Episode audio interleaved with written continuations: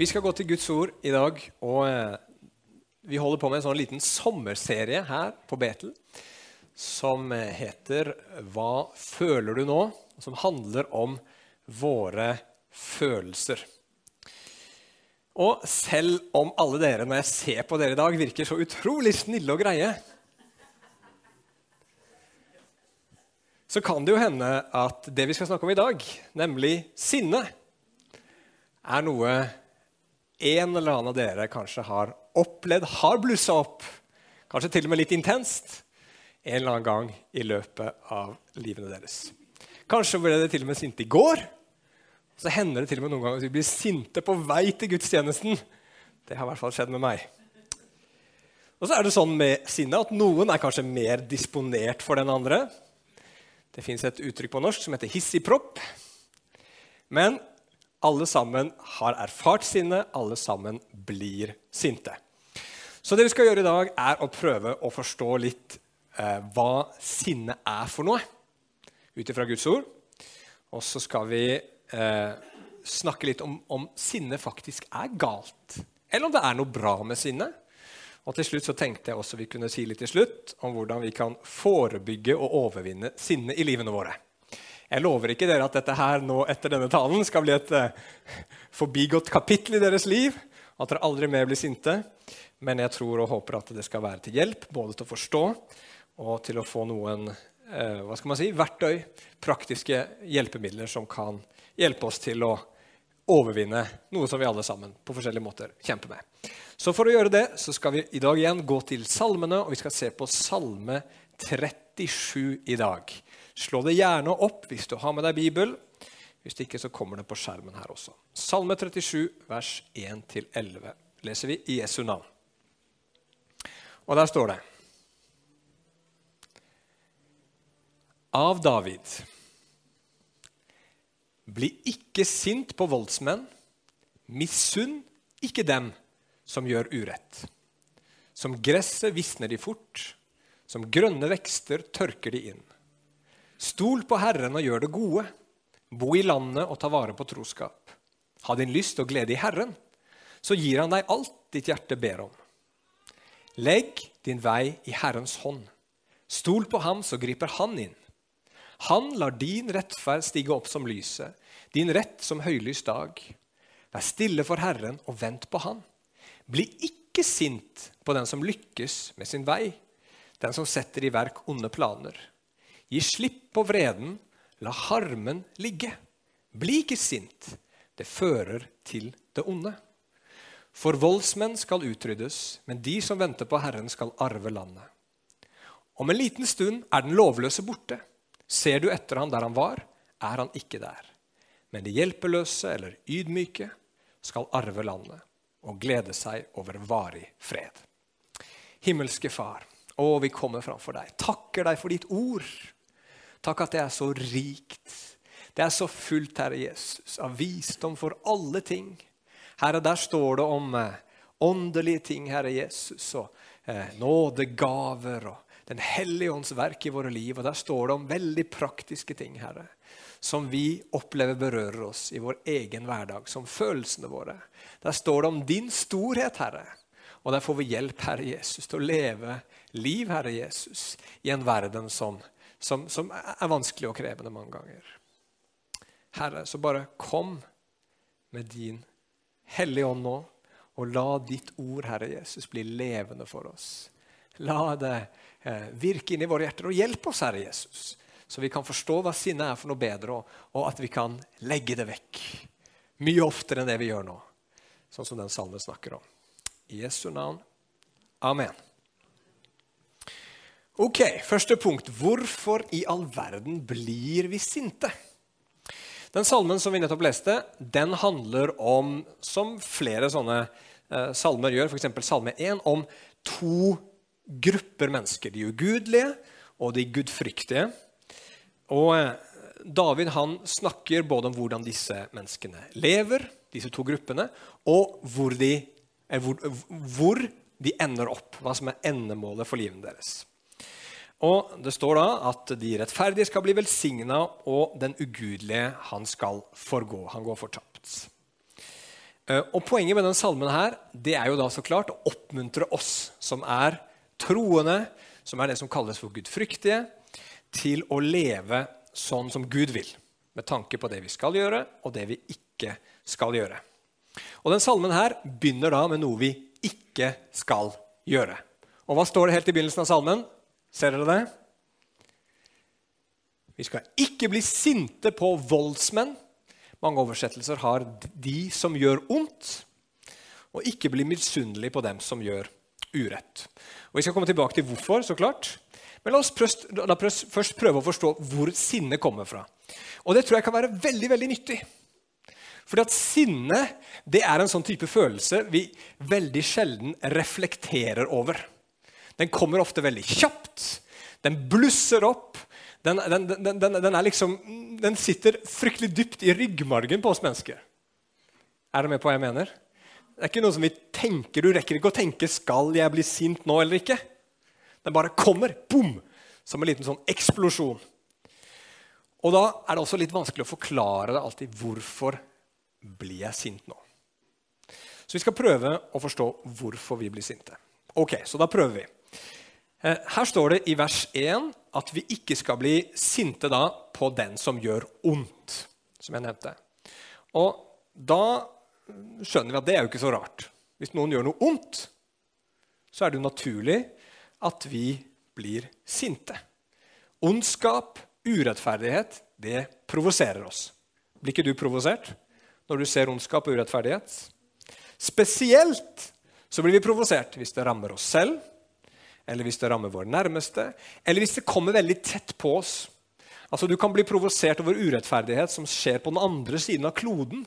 Hvis du sitter og ser på en eller annen dokumentar som viser deg hva som skjer i et helt annet land. Du kjenner når du får det nært på Wow, sånn skal det ikke være. Og så kjenner man på sinne, og så blir man provosert.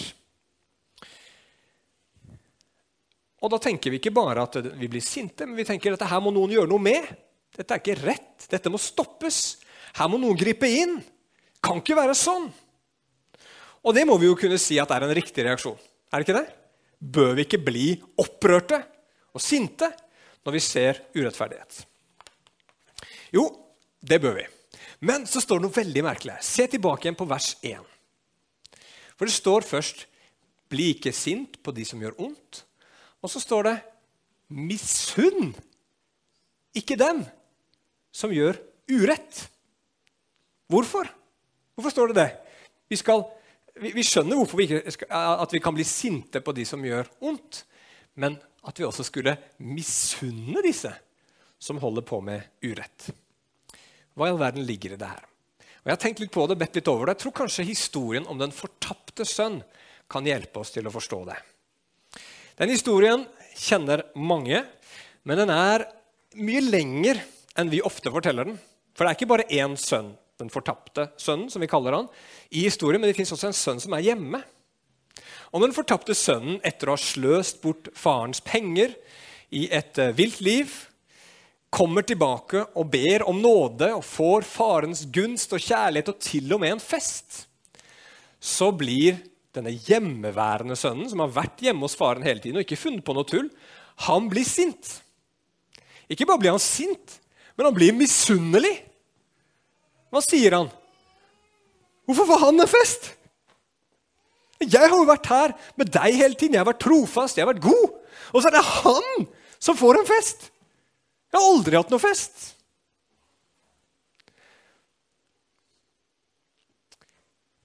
Han sier kanskje underforstått at 'jeg kunne levd som han', men jeg har ikke gjort det, og hva har jeg igjen for det?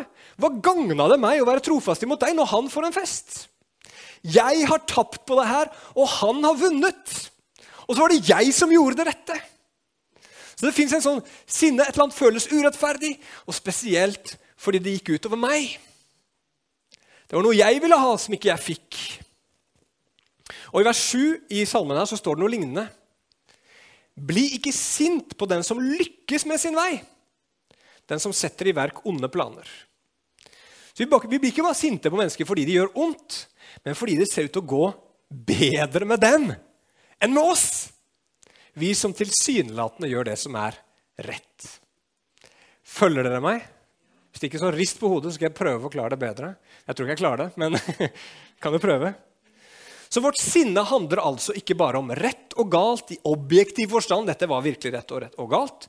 Men det handler også om at vi føler at vi kommer så dårlig ut av det.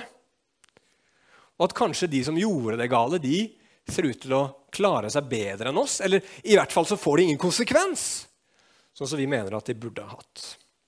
Så jeg foreslår da Dette her er ikke Bibelen, men det er det jeg, klarer å liksom fange opp ifra det jeg leser her. At eh, det med sinne, det følger på en måte dette mønsteret her. Eh, for det første så begynner det på en måte med vår tilsynelatende rettferdighet. Altså, vi er de gode, vi har rett. Og vår egen rettighet også. Jeg har krav på noe. Jeg har krav på å ha det godt. Jeg har krav på å ha det bra. Så der begynner vi. Det er liksom Før vi er sinte, så har vi på en måte den holdningen. Og så er det en annen persons da, tilsynelatende urett. Den andre gjør noe som vi anser som galt og feil. Og så er det nummer tre vårt tilsynelatende tap. Altså, ikke bare er dette galt, men det går utover meg. Jeg mister noe som jeg gjerne ville ha, eller noe jeg hadde eh, blitt tatt fra meg. Og så er det da den andres tilsynelatende vinning på dette her. Og strafffrihet. Det er, det, det er, ikke et, egentlig et ord du finner i ordboka, men dere skjønner at det ikke får noen konsekvens. da på en måte. Og så kommer det en eksplosjon, eller reaksjon, da, som det står her. Og dette her blir jo veldig teoretisk, ikke sant? så jeg skal prøve å gi dere et eksempel, sånn at dere forstår hva jeg mener. Vi skal ta det ned på et nært og praktisk plan, eh, og vi skal snakke om ekteskap og penger. For det er visstnok en kilde til konflikt i mange ekteskap. Så la oss da si at du oppdager at din ektefelle har brukt altfor mye av deres penger på noe du ikke er enig i og syns er fryktelig unødvendig og så reagerer du med sinne. ikke sant?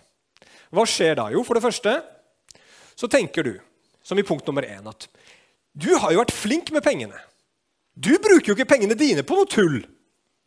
Du kunne også hatt lyst til å bruke dine penger på mange ting. Men du har ikke gjort det. Du har valgt å tenke på det som er rett og godt for familien. Sant? Så der begynner det med en sånn innstilling. Og så Ektefellen din, da, som har gjort dette her, har bare tenkt på seg sjøl, vært egoistisk og fulgt sine egne lyster. Det er toeren. Og så nummer tre Og nå går det jo utover deg! sant?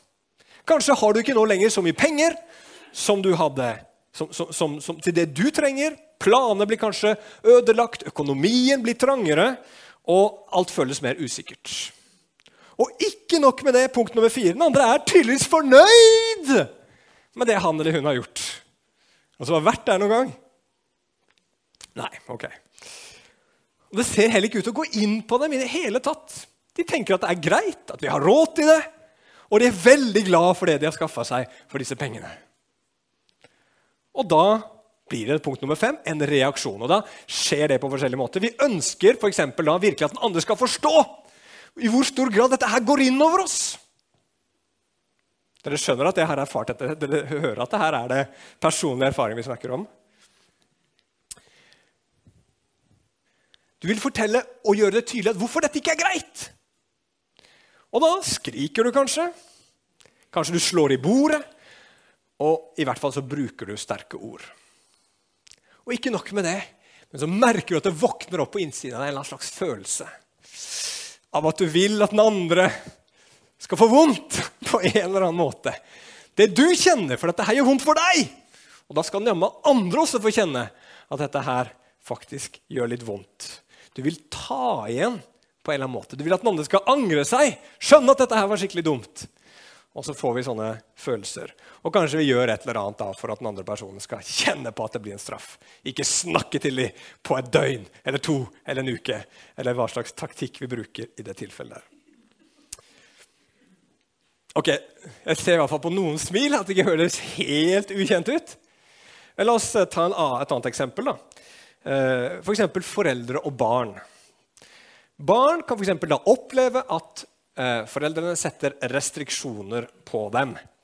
Og da blir det i noen tilfeller sinne. Det er det sikkert ingen som har sett opplevd i familiene sine. Men da er det nummer én ikke sant? at barnet tenker 'jeg fortjener større frihet'. Og nummer to 'dere er alltid så strenge'. Dere er alltid så strenge! Man har riktig tonefall på det. Dere er alltid så strenge.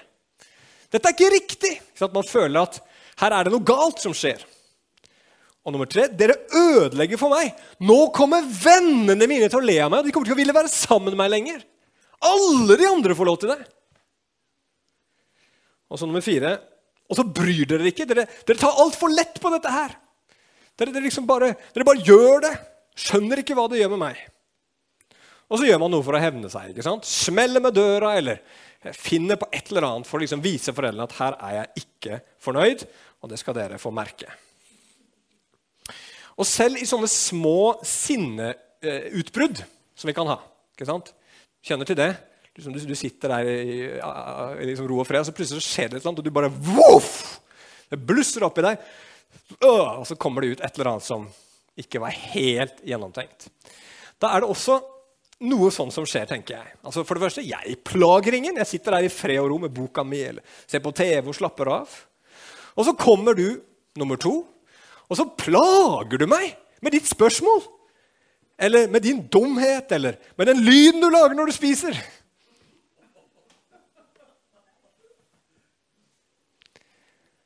Og dette her, nummer tre, dette er slitsomt for meg. Jeg orker ikke det nå. Du skjønner ikke hvordan jeg opplever dette her. Og så nummer fire. Og du mener at det ikke er så alvorlig engang. At det er helt greit at du gjør sånn. Og så punkt nummer fem. Og så farer vi opp. Treffer jeg noe som kan foregå noen ganger i våre liv? Ja, noen nikker. Veldig bra. Ok, Så sinnet tar altså utgangspunkt at vi syns at vi er ganske ok, at vi har rett, at vi egentlig fortjener å ha det godt, fredfullt, kontroll osv. Og, så og så er det en annen person som gjør noe galt, og som ødelegger for oss, så vi ikke får det vi fortjener. Og ikke nok med det, de får ikke den konsekvensen som vi mener de bør ha for det de har gjort. Og så går det til og med kanskje bra med de, og så må vi da på en eller annen måte reagere på det. Sånn tenker jeg ofte det kan være når vi opplever sinne. Ok, og Da er det kanskje litt dumt å stille spørsmål nummer to. Er sinne bra eller dårlig? Men faktisk så er det ikke helt tydelig i Bibelen og vi har allerede vært inne på det, om sinne er bra eller dårlig. Gud han blir sint, både i Det gamle testamentet og i Det nye testamentet. og Det typiske ordet i Bibelen på det er vrede. Og vi vet at Gud kan ikke gjøre noe som er galt. Så da kan jo ikke sinne nødvendigvis være galt. Og det står til og med i Feserbrevet 4,25 at bli sinte men synd ikke. Så det fins en eller annen måte å bli sint på hvor vi ikke synder. Og som vi var inne på i stad, det er rett å bli sint når ondskap skjer. Og da skal, tror jeg, sånn som Gud har tenkt det, det sinnet som vi kjenner på, kanaliseres inn i at vi får energi til å gjøre noe med ondskap og urett som fins i denne verden her. Og da må vi lære noe veldig viktig av Gud, for det står at Gud han er sen til vrede. Og skal vi bli sint på rett måte, så gjelder det å være sein før du reagerer. Tenke nøye gjennom, planlegge og så handle på en gjennomtenkt måte. Og det er ikke så fryktelig lett når vi blir sinte. I tillegg så beskriver Bibelen oss som syndere. altså i den forstand at vi har en tendens til å gjøre feilaktige ting. Eh, og i tillegg kanskje en annen ting som vi ikke tenker så veldig ofte på, men som Bibelen snakker om veldig mye, og som vi kanskje har hinta litt til allerede, nemlig at vi mennesker veldig ofte er selvrettferdige. Og Jesus, For å beskrive et selvrettferdig menneske så sier han at vi veldig lett ser flisen i vår brors øye, mens bjelken i vårt eget, den legger vi ikke merke til. Og hvordan hvis vi er sånne personer, hva gjør det da med vår evne til å bedømme rett i en eller annen situasjon hvor vi blir provosert? Blir vår dømmeevne god da? Nei, den blir skikkelig dårlig. Da får vi en tendens til å blåse opp vår egen godhet og hva vi fortjener. Og så vil vi også få en tendens til å blåse opp den andres urett. Og til og med kanskje noen ganger se ting som ikke er der. Og det var derfor, hvis dere la merke til den lista jeg ga dere tidligere, så brukte jeg hele tiden ordet, ordet 'tilsynelatende'. For dette er ikke alltid vi ser så klart. Det kan hende at det vi opplever at andre gjør mot oss, er noe vi gjør mye oftere mot dem, og på en mye verre måte. Det kan hende at det som vi opplever som urett, faktisk er en misforståelse. Eller eh, faktisk ikke er galt i det hele tatt. Det kan jo hende at det tapet vi kjenner der og da, kanskje i den store sammenheng ikke er så viktig allikevel. Og det kan hende at den andre personen faktisk hadde rett, eller at personen faktisk innser sin feil uten at vi helt tar det inn over oss. Så nettopp fordi sinne får oss til å tenke mindre klart, og sjelden gjør oss ydmyke. Du blir ikke så ydmyk når du blir sint. Og du blir ikke så villig til å tenke gjennom saken og se den fra flere perspektiver når du blir sint. Så oppfordrer Bibelen oss stort sett i det store og det hele til å ikke bli sinte. Og Det står her også i vers 8.: Gi slipp på vreden, la harmen ligge, bli ikke sint. Det fører til det onde.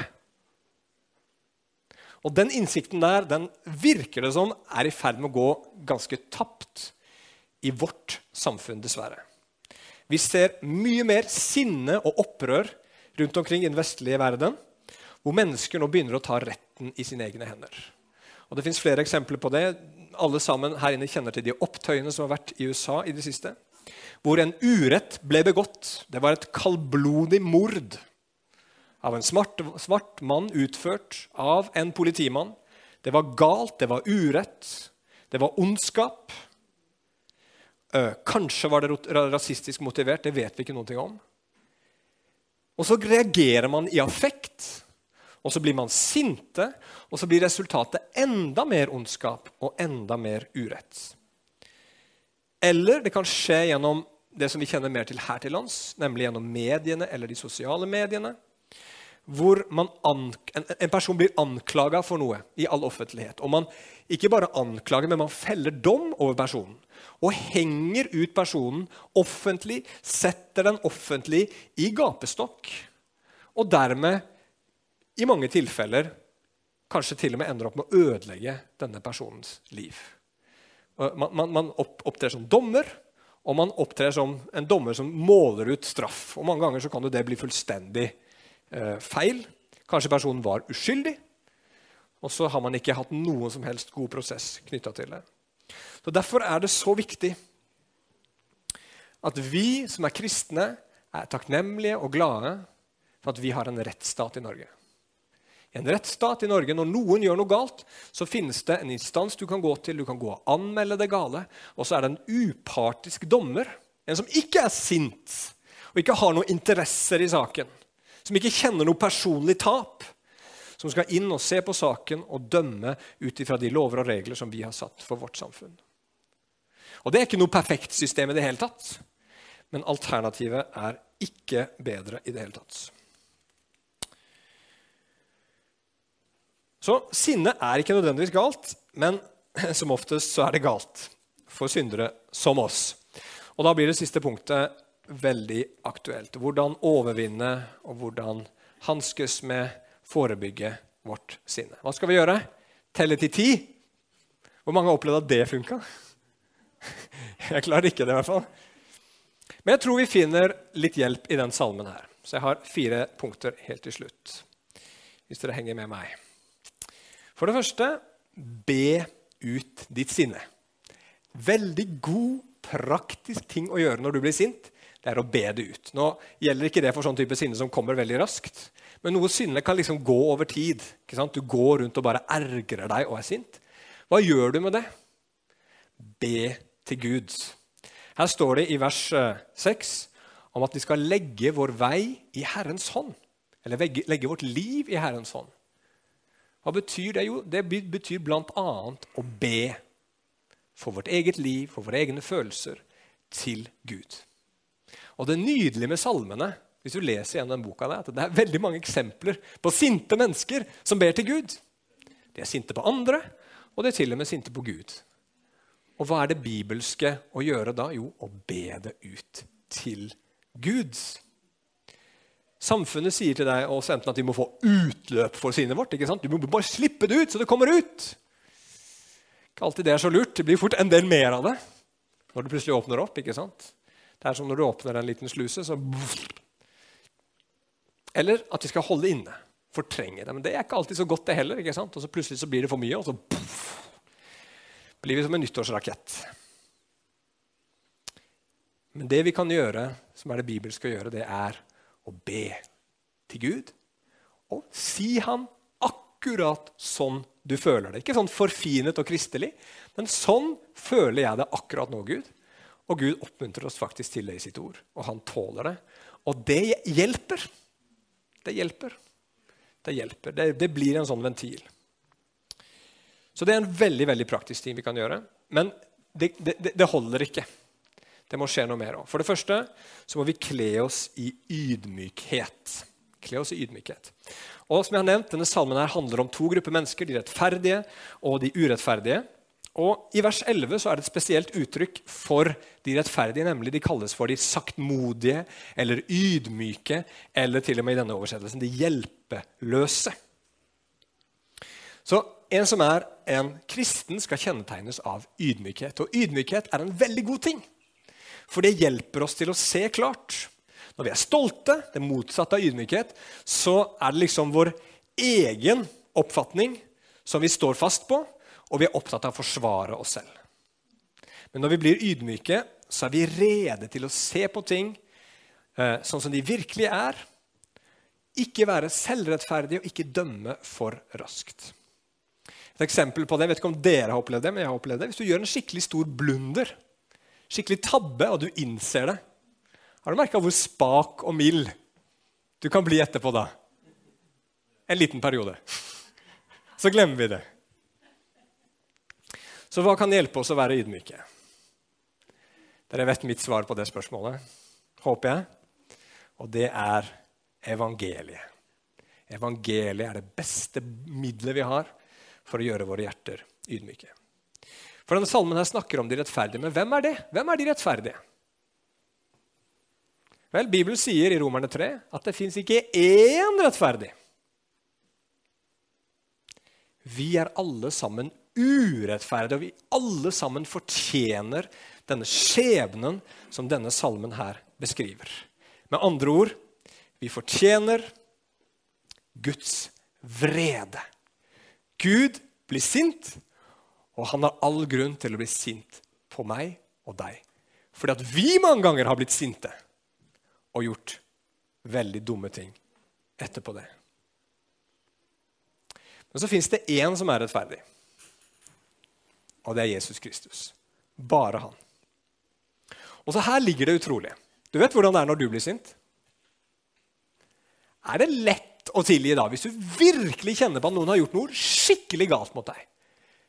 Er det ikke ganske kostbart å tilgi? Du bare kjenner Nei, det der skal de ikke slippe unna med! Det er aldri i livet! Og så vil vi gjerne at de skal få smake sin egen medisin. ikke sant? Åh, hvis du bare kunne oppleve det du gjorde mot meg, det hadde vært gøy. Da hadde jeg fått som fred. Men så ser vi det helt motsatte i evangeliet. Gud tilgir oss. Han lar oss gå fri ved at han tar på seg straffen gjennom sin sønn Jesus på korset. Det står i Isaiah 53,10 at da Jesus hang på korset, så behaget det Gud å knuse ham med sykdom. tror jeg Det står, det er litt forskjellige oversettelser der. Men det behaga Gud å knuse ham. Hvorfor det?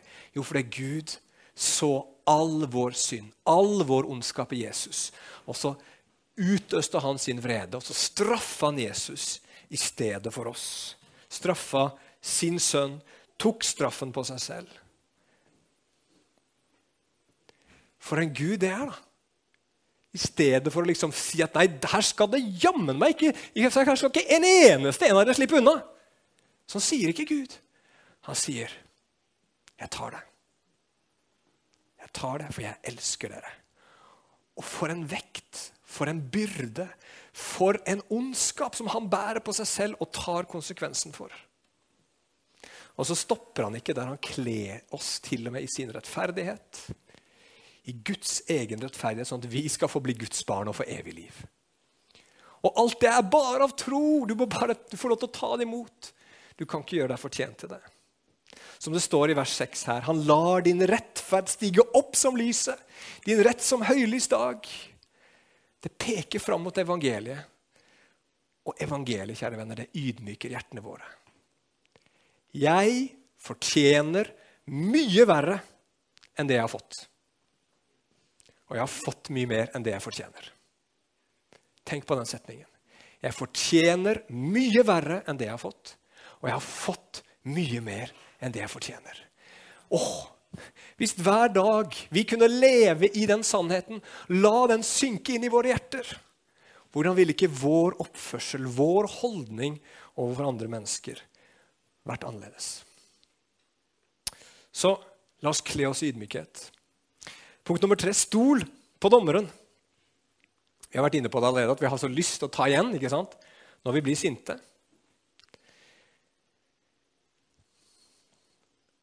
Og Da sier Gud i denne salmen her, jeg forstår hva du mener. Jeg skjønner det. Det fins noe rett i det du kjenner på.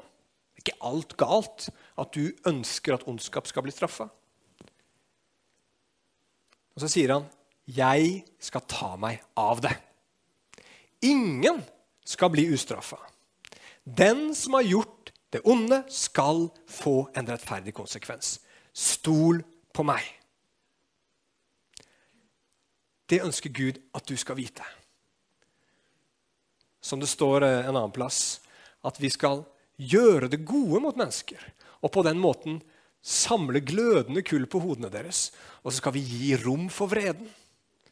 Det betyr at vi gjør det gode mot mennesker, og så sier vi Gud, du får dømme disse. Jeg klarer ikke å dømme dette her fullkomment og bra likevel.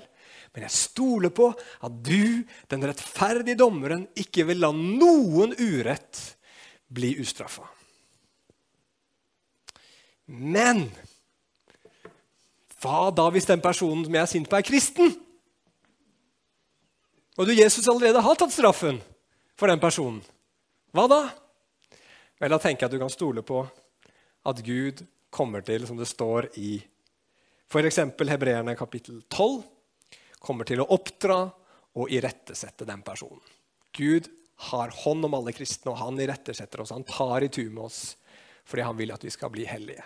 Så ikke vær redd. Vi trenger ikke ta Guds plass heller på det området der. Gud tar seg av, deg, av det. Og det gir fred. Det betyr ikke derimot at hvis du opplever at noe galt blir gjort mot deg, at du ikke skal gå til en dommer eller til politiet. Jeg tenker at det å overgi en sak til retts rettsvesenet nettopp er en sak. Eh, nettopp er det å overgi det til Gud. Det utfallet kan bli sånn som du håper. Kanskje det ikke blir det. Men det får være Guds hender. Men å anmelde en sak, det er ikke galt. Det kan være helt, helt rett. Eh, og Det betyr heller ikke at vi ikke skal snakke med mennesker når vi opplever at de har gjort noe galt mot oss. Det er veldig bra å si hvordan du opplever ting. Det er veldig bra å snakke om det som du mener at andre mennesker har gjort galt imot deg. Det kan, eh, det kan være veldig nyttig og hjelpsomt. Det betyr heller ikke at vi ikke skal arbeide for rettferdighet i denne verden. Det må vi også prøve. Men i alt det så kommer du til å oppleve masse frustrasjon. For du vil liksom fortelle om noe, og den andre personen vil ikke helt forstå det, kan ikke forstå det kanskje. Du jobber for rettferdighet, og det skjer ikke.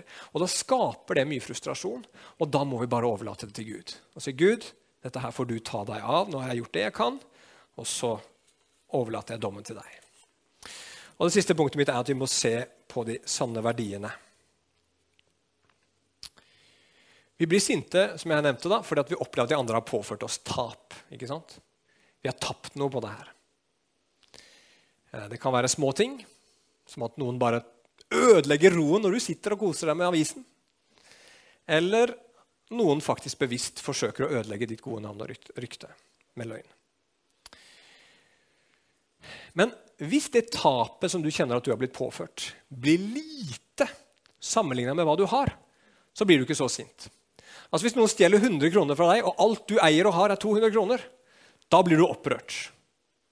Men hvis noen stjeler 100 kroner fra deg, og du er en millionær, multimillionær, så er 100 kroner ingenting. Og da er spørsmålet hvor rik er du? Når andre gjør urettighet mot deg, når andre tar fra deg ting i ditt liv, kan de egentlig røre ved det som er den sanne rikdommen din? Kan de virkelig ta fra noe i ditt liv som er av virkelig verdi? Og svaret på det ut ifra evangeliet er nei. For vår rikdom er Jesus. Vår rikdom er å være Guds barn. Vår rikdom er at vi har en far i himmelen. Vår rikdom ligger i det som kommer, det som er der oppe. Vi har en skatt i himmelen, og den vi holder på å samle når vi lever her nede. Og det mennesket gjør mot oss, det er galt, og, og, og, vi kan kjenne på et tap. Men vi trenger å få det i perspektiv med den, uretten, eh, med den rikdommen som vi faktisk eier. Og Hvordan klarer vi det? Hvordan klarer vi å sette dette her i perspektiv? Jo, som det står her i vers 4, ved å glede oss i Herren. Gled deg stort i Herren, står det til og med i noen oversettelser. Glede oss over hvor stor og god og skjønn og vakker og full av nåde og, og, og alt, over alt det Gud har gitt oss. Og innse at når du har Han, så har du alt du trenger. Og vi må, vi må glede oss over det. Og hvordan gjør du det praktisk? Vel, Du kan se på forrige tale. Den kommer snart på YouTube og kommer snart på, på, på podkast, hvor jeg snakka ganske mye om glede. Men la meg bare si helt kort til slutt to ting veldig praktisk, som i hvert fall hjelper meg, og som jeg tror mange kan få velsignelse av når det gjelder det å glede seg i Gud. Og det er nummer én lær mer eller repeter hvem Gud er, og hva han har gjort. Ok? Ut fra hans ord. Og nummer to si det til deg selv. Eller be det til Gud. Helt til det begynner å trenge inn i hjertet ditt og gjøre noe med deg. Da erfarer du glede. Og hva blir frukten? Jo, da står det her, da får du det hjertet ditt lengter etter. Og hva er det hjertet ditt lengter etter? Det står her i vers 11.: Men de hjelpeløse skal arve landet og glede seg igjen over varig fred. Hva er det vi dypest sett vil? Jo, vi vil ha den fred som kommer i fellesskapet med Gud. Og den får du når du lever i glede. Og når du lever i fred, da blir du ikke sint. Og der vil Gud ha oss. Amen. La oss be. Kjære himmelske Far. Vi takker deg, Gud, for alt det gode du har gjort imot oss. Herre, du er ikke en Gud som er gjerrig eller gnien eller sånn. Holder litt tilbake hist og her. Men du er en Gud som er sjenerøs. Du gir og du gir og du gir mye. Og du gir i overflod. Og du holder ikke tilbake. Herre, jeg ber meg at du i dag skal bare hjelpe oss som dine barn å se. For det første, som vi sa, at vi på ingen måte har fått det vi fortjener. Vi fortjener mye verre enn det her. Men at vi samtidig har fått så mye, så uendelig mye mer enn det vi faktisk fortjener.